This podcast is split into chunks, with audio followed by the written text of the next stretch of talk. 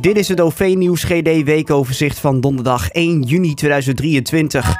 Op 9 en 10 juni, dat is volgend weekend, vindt in Grollo weer het jaarlijkse Hollands Blues Festival plaats. Buslijn 21 rijdt extra vaak. Op beide dagen rijdt in de middag ieder kwartier een bus op deze lijn tussen het station van Assen en de rotonde in Grollo. En s'avonds na afloop rijdt lijn 21 tot 1 uur, maximaal 4 keer per uur naar Assen.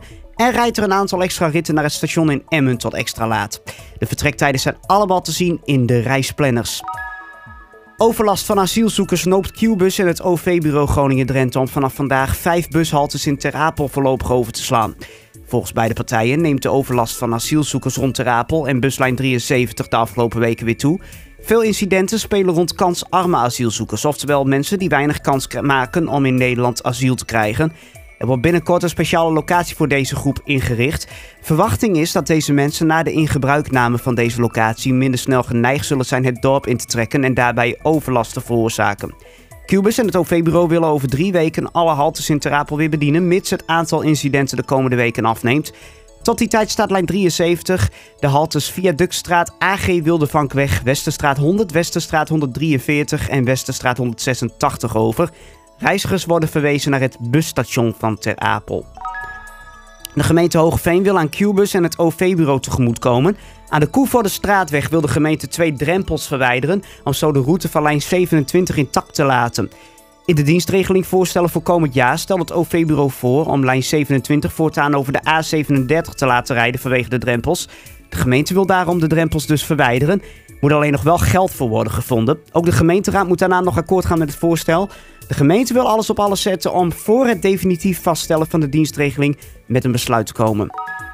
En morgenavond, vrijdag na 7 uur, is de N34 afgesloten voor al het verkeer. Tussen Emmen en de aansluiting bij de A28 wordt gras gebaaid. En voor de veiligheid van dat personeel die dat uitvoert, moet de weg worden afgesloten. Qbus rijdt met haar Q-Liners 300 en 312 na 7 uur een directe route tussen respectievelijk Groningen en Emmen en Groningen en Stadskanaal. Tussen Groningen, Gieten, Borger en Emmen rijdt op dat moment de speciale lijn 159. Door de dorpen tussen Gieten en Emmen. En lijn 158 rijdt na 7 uur twee ritten tussen Stadskanaal en Gieten. Daarna rijdt lijn 312 zoals gebruikelijk slechts tussen Gieten en Stadskanaal. Zaterdagochtend om 4, of sorry, zaterdagochtend om 6 uur is het werk weer klaar en kunnen de bussen er weer langs.